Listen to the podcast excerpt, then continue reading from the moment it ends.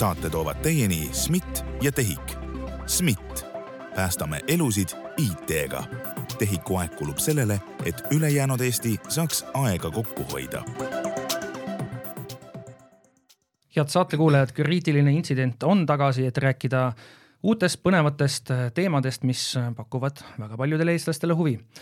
head kuulajad, enne kui me saat-, läheme tänase saate juurde lähemalt, ma röövin natukene teie aega ja ka meie tänaste külaliste aega ja räägin natukene sellest, et kuigi saatel on meil väga palju kuulajaid, kes on ka aeg-ajalt andnud tagasisidet, siis mulle näiteks saatejuhina väga-väga meeldiks see, kui aeg-ajalt annavad ka saate kuulajad tagasisidet selles osas, millest nad soovivad, et me järgmistes saadetes räägiksime nii et selle jaoks, et see ka saaks reaalsuseks, olge head, kirjutage näiteks mulle ronald.liive.geenius.ee või kui te isiklikult mulle ei julge mingil põhjusel kirjutada, võite kirjutada ka Geeniuse üldmeilile geenius.geenius.ee aga rohkem ma teie väärtuslikku aega ei röövi ja räägin sellest, et tänase saate teemaks on meil riiklik siis küberreserv ja riigi küberreservi korraldatud toimunud õppus sellest on meil stuudios rääkimas Riigi Infosüsteemi Ameti juhtivekspert Ivo Vellend, tere! tere! ja ka Elektrilevi infoturbejuht Indrek Künnapuu, tere! tervist! esmalt, kui me läheme konkreetse õppuse juurde, mis siin natukene aega tagasi toimus, räägime lähemalt, mis asi see riigi küberreserv on? Riigi küberreserv on siis vabatahtlikest enamjaolt koosnev kolmetasemeline reserv, esimene tase on siis äh, Riigi Infosüsteemi Ameti CERT-E äh, meeskond, osakond, teise taseme moodustavad IT-majade eksperdid ja kolmas tase on Kaitseliidu küberkaitseüksuse vabatahtlikud eksperdid ja nagu ma tean, siis äh, see reserv on nüüd tegutsenud või noh, tänavu läheb teine aasta. miks, miks alles teine aasta, miks meil varem seda ei olnud? no tegelikult äh, see idee on loomulikult palju varasem ja reserv noh, ütleme siis mitteametlikult äh, on ikkagi tegutsenud kauem. aga tõsi ta on jah, et õppuseid me oleme nüüd korraldanud äh, kahel viimasel aastal ja seekord siis oli jah, teine kord, kui oli reserv täies mahus kaasatud. Kas see on midagi sellist, kus ähm, iga inimene tänavalt, kellel on ma ei tea, küberturbealased äh, teadmised, saab tulla ja anda ennast üles, öelda, et ma nüüd soovin Eesti riiki kaitsta?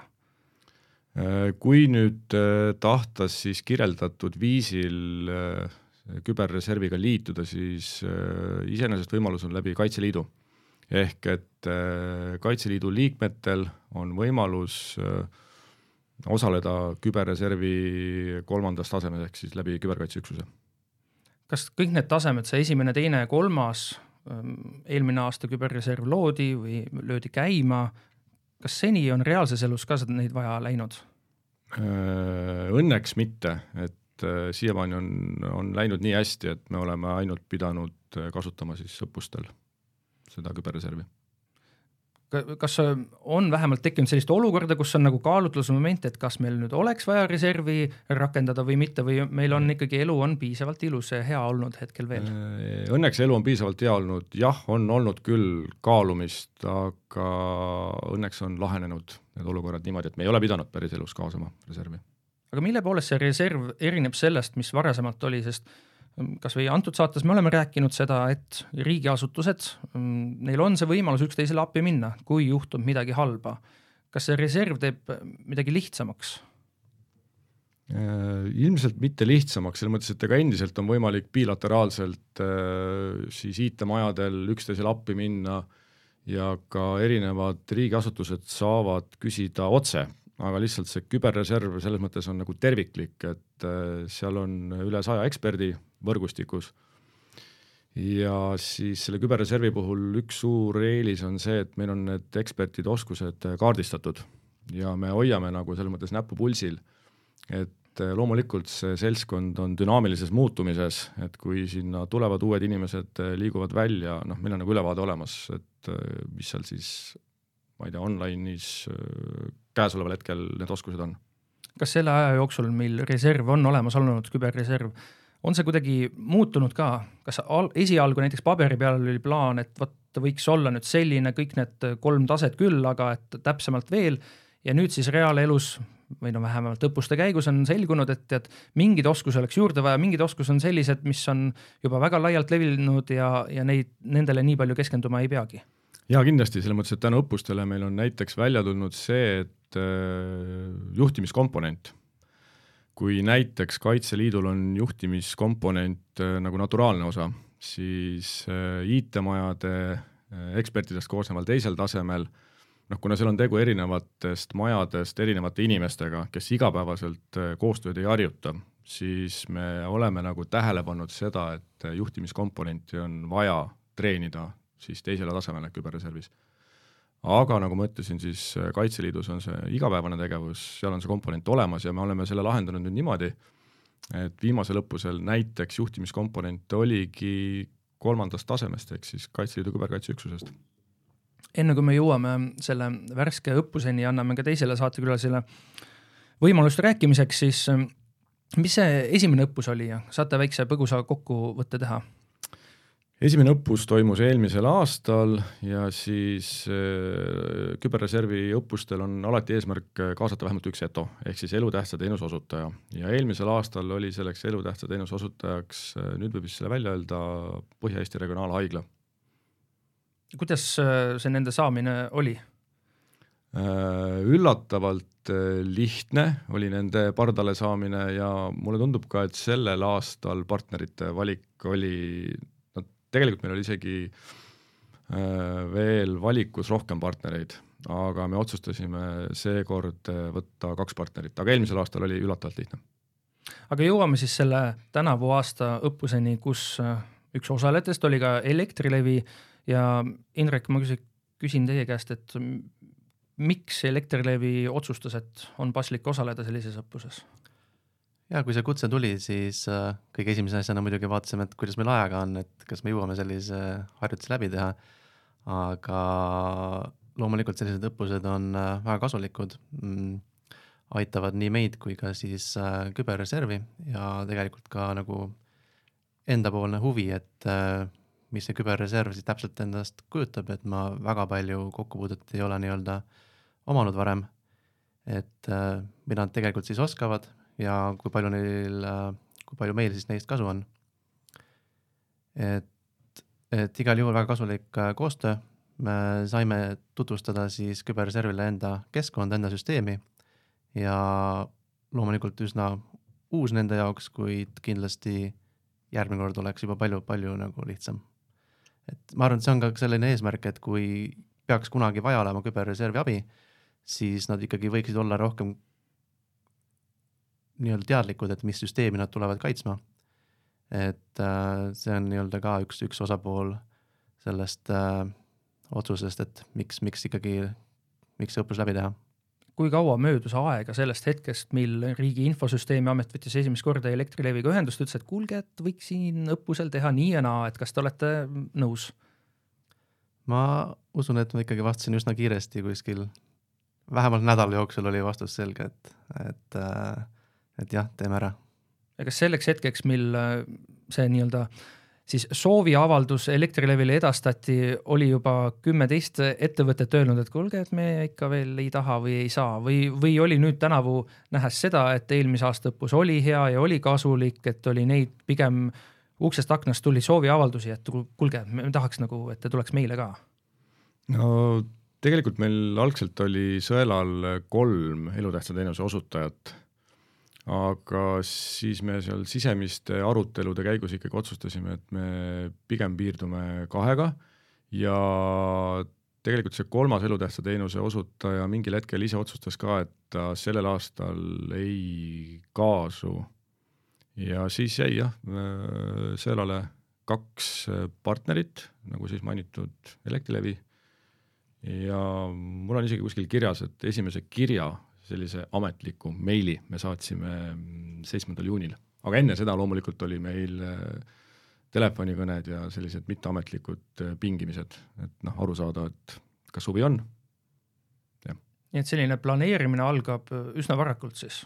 jaa, noh sisemisi plaane me tüüpiliselt hakkame tegema peale siis äh,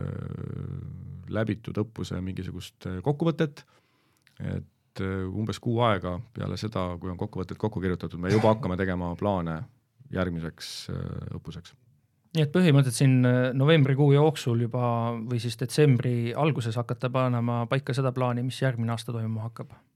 jaa, esimesed plaanialged kindlasti aasta lõpus või siis uue aasta alguses, kindlasti kas see, mis õppusel toimub, mis läheb halvasti, mida peab kaitsma, kui palju see on paika pandud ja kui palju siis need nii-öelda mängijad, olgu see siis Elektrilevi teine osapool, kelle nimi tegelikult ei ole saladus, ei ole veel läbi käinud, oli Tele2, kui palju nemad teavad, et kui palju näiteks siis Indrek teadis viiendal novembril, kui see mäng nii-öelda algas, et mis nüüd toimuma hakkab? Äh, ütleme niimoodi, et siin tasub teha vahet äh, sellel, kes on mängukorraldaja. siis äh, Indrek oli meil Elektrilevi poolt siis mängukorraldaja, ehk et ta oli päris hästi kursis, et tegelikult see õppus ju koosnes kahest suurest osast, üks oli staabiõppus, ehk siis tabletop, kus laua taga otsustajad võtsid vastu väga tähtsaid otsuseid ja teine osa oli siis äh, elutähtsa teenuse osutajate juures, ehk et siis Elektrilevi ja Tele2 juures nende taristul jooksev tehniline õppus, mis siis oli mõeldud äh, küberreservile. ja natukene keerukaks tegi selle asja see, et äh, meie tahtmine oli see, et nad jookseksid nagu loogiliselt süngis. et see oli niisugune korralik väljakutse aga Indrek, teie koostada siis jäi see nii-öelda meeskond Elektrilevi poolt, kes seda mängu läbi viis või et siis üritas kaitsta süsteeme, kui nad ei saanud hakkama, siis oligi siis see hetk, kus nad kutsusid küberreservi endale appi, jah? jaa, et siin oligi kaks poolt, siin oli nii-öelda õppus staabile ehk siis kriisikomisjonile ja õppus äh, küberreservile, tehniline pool. ja stsenaarium nägigi niimoodi ette, et äh, et kriisikomisjon justkui võtab vastu otsuse kutsuda appi äh, küberreserv ja siis pärast seda läkski edasi siis see küberreservi tehniline õppuse pool ja selle tehnilise õppuse poole jah, me Elektrilevi poole pealt siis valmistasime ise ette, panime seal kokku meeskonna, kes sellega tegeleb. ja et selles mõttes me olime jah, et väga kursis novembriks, et mida me teeme. selle tehnilise meeskonna komplekteerimine, kuidas see kujunes? Äh, tegelikult me kasutasime ära olemasolevat äh, Mektoris ühte laborit, mille me oleme varasemalt üles ehitanud, et tegelikult see oli vaja lihtsalt natukene värskendust, äh, sinna oli natuke värskendust vaja teha, et see korralikult tööle saada. ja meil ei olnud väga palju liikmeid. et kuskil nelja inimesega me tegime selle korralduse ära arvestades, et äh, vaenlasele ei soovi liiga palju tausta avada, kas te siiski saate vastata küsimusele, et kui palju Elektrilevi infoturbeosakonnas üldse töötajaid on? see on, läheb selliseks keerulisemaks struktuuri äh, äh, kirjeldamiseks, et äh, me oleme, Elektrilevi on siis osa Eesti Energiast ja meil on päris palju keskseid teenuseid Eesti Energias ja sealhulgas ka infoturbemeeskond et Elektrilevis endas ei ole väga palju äh, nii-öelda spetsialiseerunud äh, spetsialiste hetkel, on äh,, on nagu juhtiv tasand ja päris mitmed teenused on siis Eesti Energiast. et siis nii-öelda peamajast saate ikkagi abijõude paluda? ja, ja lisaks on meil veel Enefit Connect, küll aga ka seal on väikesed muutused toimumas, et äh, et jah, et see on nagu pikem, pikem teema praegu kuulge, me oleme nüüd juba tükk aega rääkinud, et toimus õppus ja, ja kuidas kõike seda meeskonda kokku saadi, kuidas saadi Elektrilevi jõusse, aga me pole nagu detailselt rääkinud, et mis siis halvasti läks Elektrileviga. mida, mida see õppuse stsenaarium meile räägib, et kas, kas juhtus mingi selline asi, mis on tegelikult reaalelus äh, nagu väga reaalne, et see juhtub või juhtus midagi veelgi hullemat? ja me kõigepealt, kui me seda intsidenti nii-öelda välja mõtlesime, siis me vaatasime, et jah, et, et siin on natukene midagi juurde vaja lisaks küberintsidendile, ehk siis me lisasime juurde ka samal ajal hästi suure tormi, mis tekitas äh, nii-öelda rohkem segadust, et aru saada, et äh, mis siis see intsident seal taga päriselt on. Ja ja see oli nagu üks suur komponent, miks siis välja kutsuda ka kriisikomisjon, et nii suur torm, elektrit ei ole, proovime tagasi panna, ei saa ja siis sealt läks edasi, et mis, mis toimub. mis siis reservi vaatest nagu reaalselt füüsilises maailmas toimus? pandi kümme, kakskümmend inimest kuskile bussi peale, sõidutati Elektrilevi peamajasse kohale ja öeldi, et nüüd on siin on see server, hakake midagi tegema või mis, mis nagu reaalselt toimus? umbes midagi taolist, aga sellel aastal äh, see reservi kaasamine erines nagu selles mõttes, et äh, jah, me siis äh, andsime ette nagu tellimused, milliseid oskuseid oodatakse appi Elektrilevisse Tele2, aga seekord reservistid pidid minema ise oma jõududega koha peale, et kui meil eelmisel aastal oli see logistika pool lahendatud natuke teisiti, siis seekord oli jah, see ülesande püstitus oli niimoodi, et äh, meil oli kaks tiimi, alfa tiim, Bravo tiim, äh, esimesel päeval siis alfa tiim äh, liikus ühte kohta, Bravo tiim teise kohta ja teisel päeval siis vahetusid tiimid.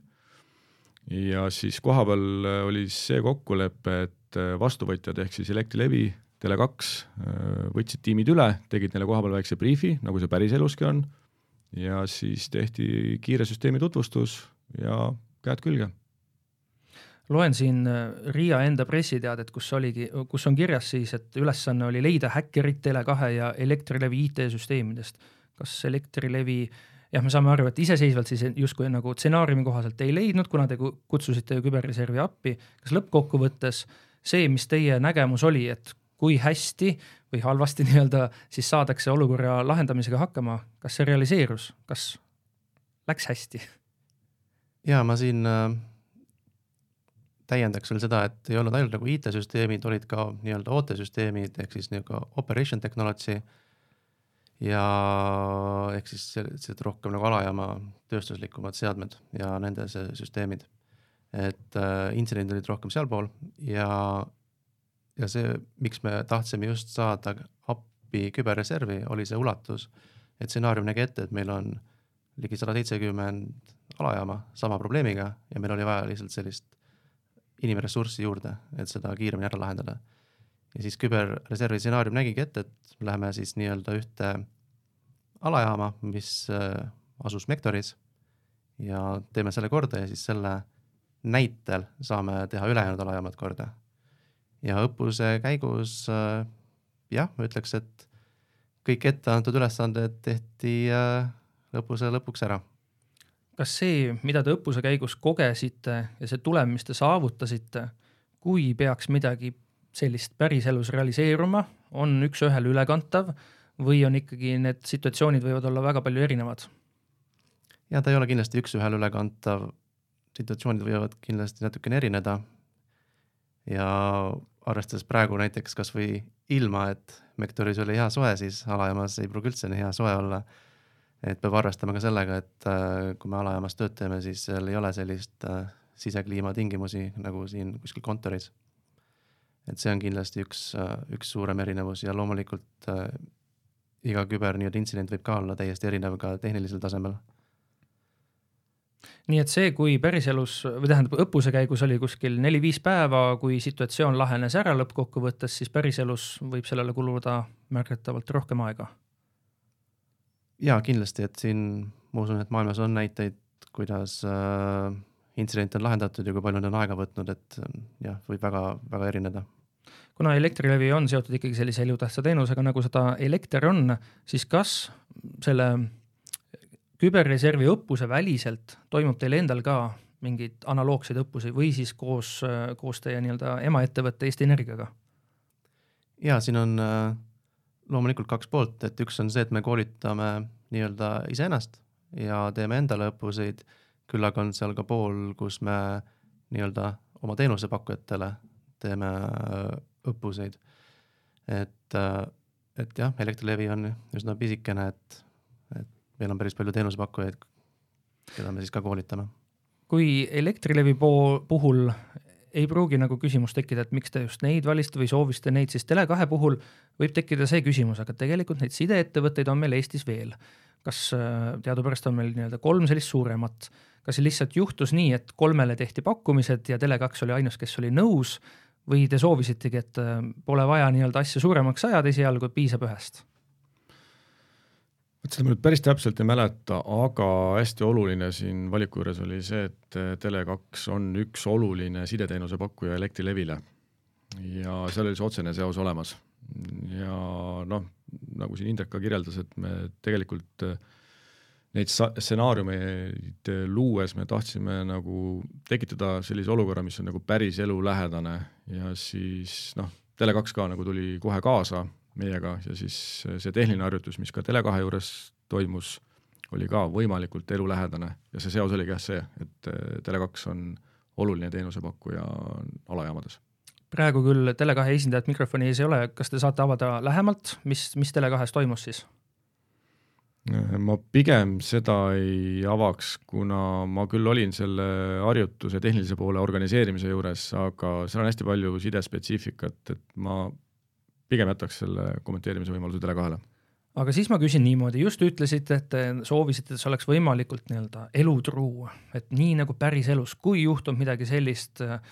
siis mis siis kõik toimuma hakkab. kas see tähendab ka seda, et keegi äratati öösel kell kaks-kolm üles ja öeldi, et kuuled, et nüüd alajaam on maas, on rikkis, ma ei tea, telefoniga helistada ei saa, et ilge jama on majas, et hakkame nüüd tegutsema. või ikkagi võeti, et tööpäev on üheksast viieni ja opereerime selles teadmises?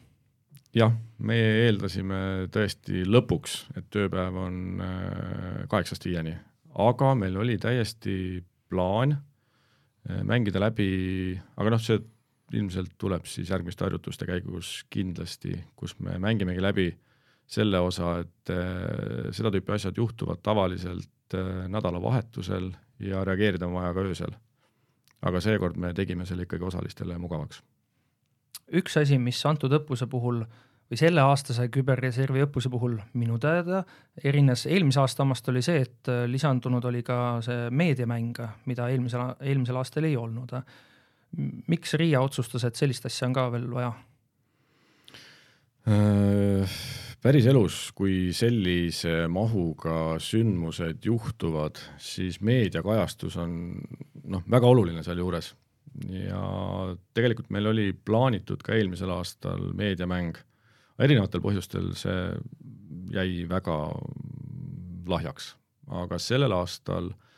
mina seal selles meediamängu stsenaariumite kirjutamisel ei osalenud, aga ma tean tagasisidest, et äh, see oli väga mahukas ja ma tean, et inimesed panustasid sinna väga-väga palju. Äh, jah, nüüd ma saan kuidagi sellise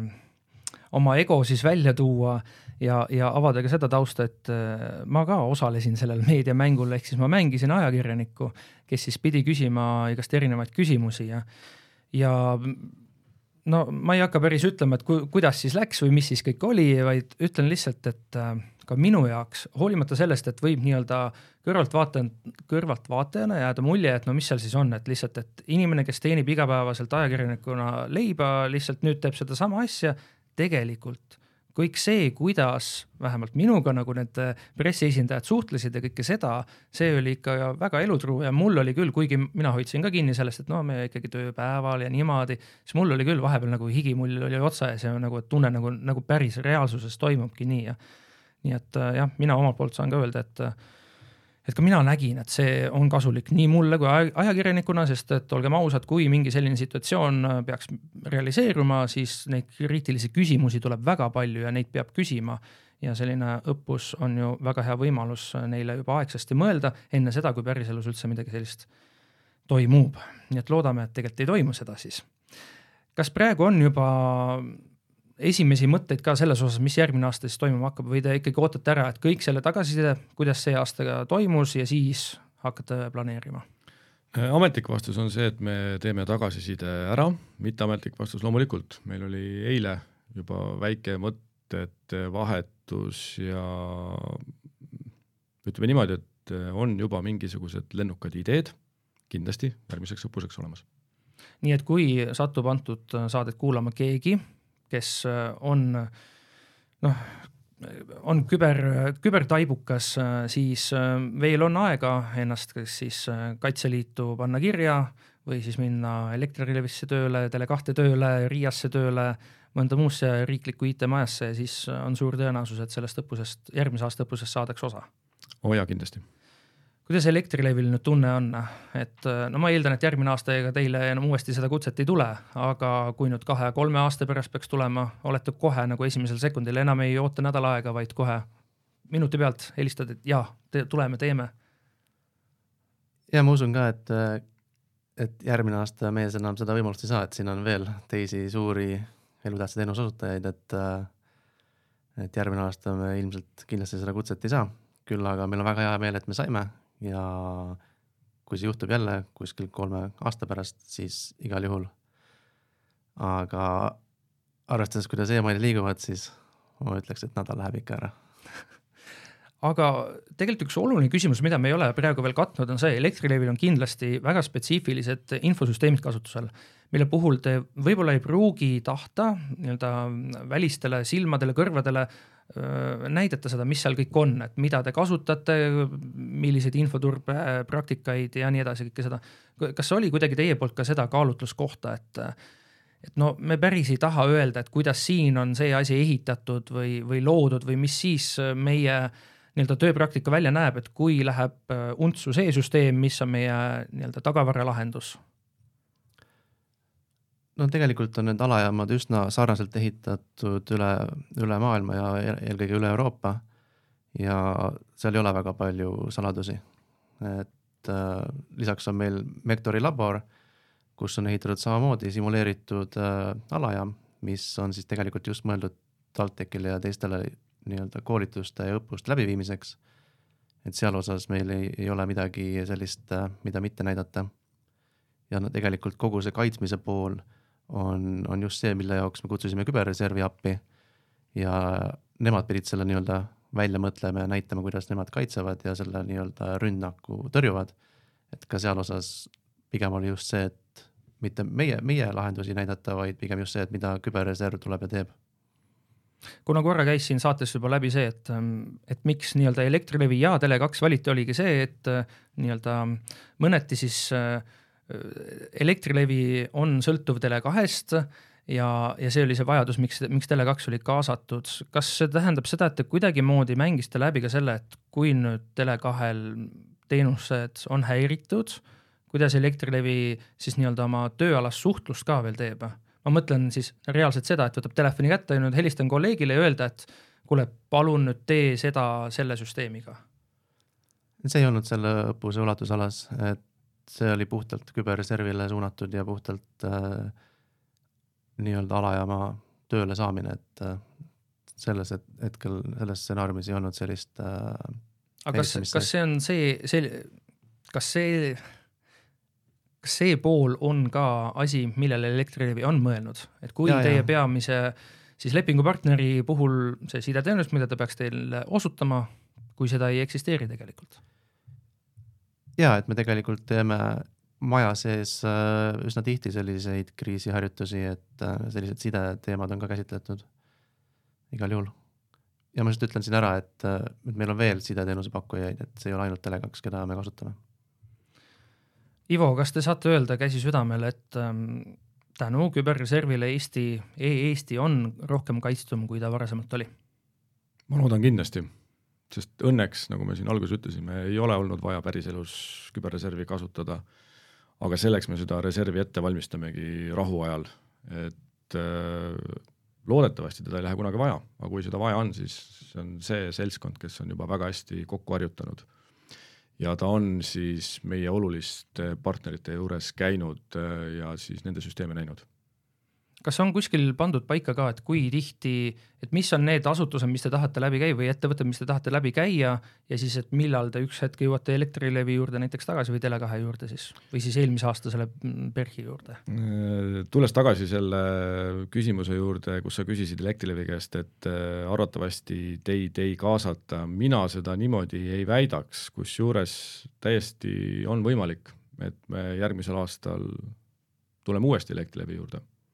ja noh, see sõltub kõik sellest stsenaariumist.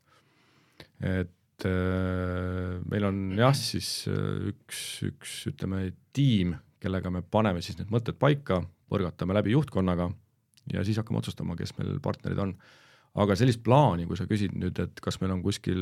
mingisugune järjestus numeratsiooniga üks, kaks, kolm ja nii edasi, ei, seda ei ole. et hästi oluline tegelikult äh, selle õppuse paikapanekul on ka üleüldine ohuhinnang. et kui me näeme mingeid valdkondi, mida meil vastane on eriti võtnud sihtmärgiks, siis selle järgi me teeme selle valiku. et kas on meditsiinisektor, kas need on telkod, võib-olla finantssektor, energiasektor, võib-olla sadamad, see, see sõltub kõik hästi palju sellest, mis siis nagu halvas mõttes trendid maailmas on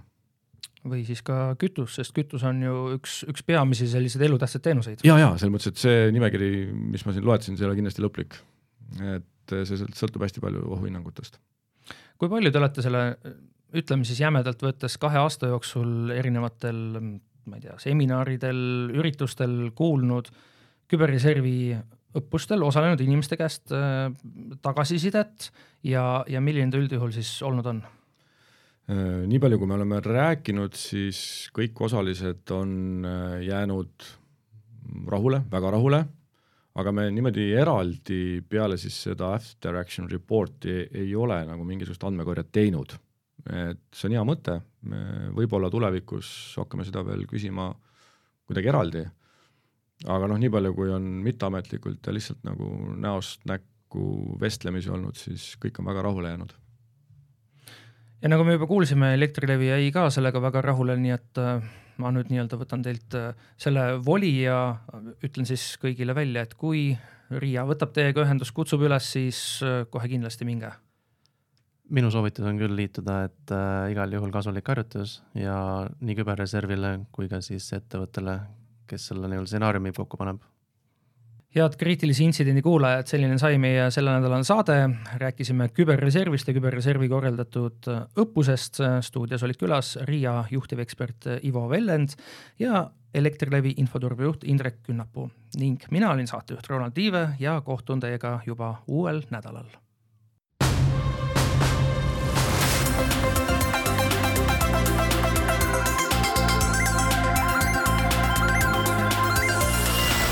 saate toovad teieni SMIT ja TEHIK. SMIT, päästame elusid IT-ga. TEHIK-u aeg kulub sellele, et ülejäänud Eesti saaks aega kokku hoida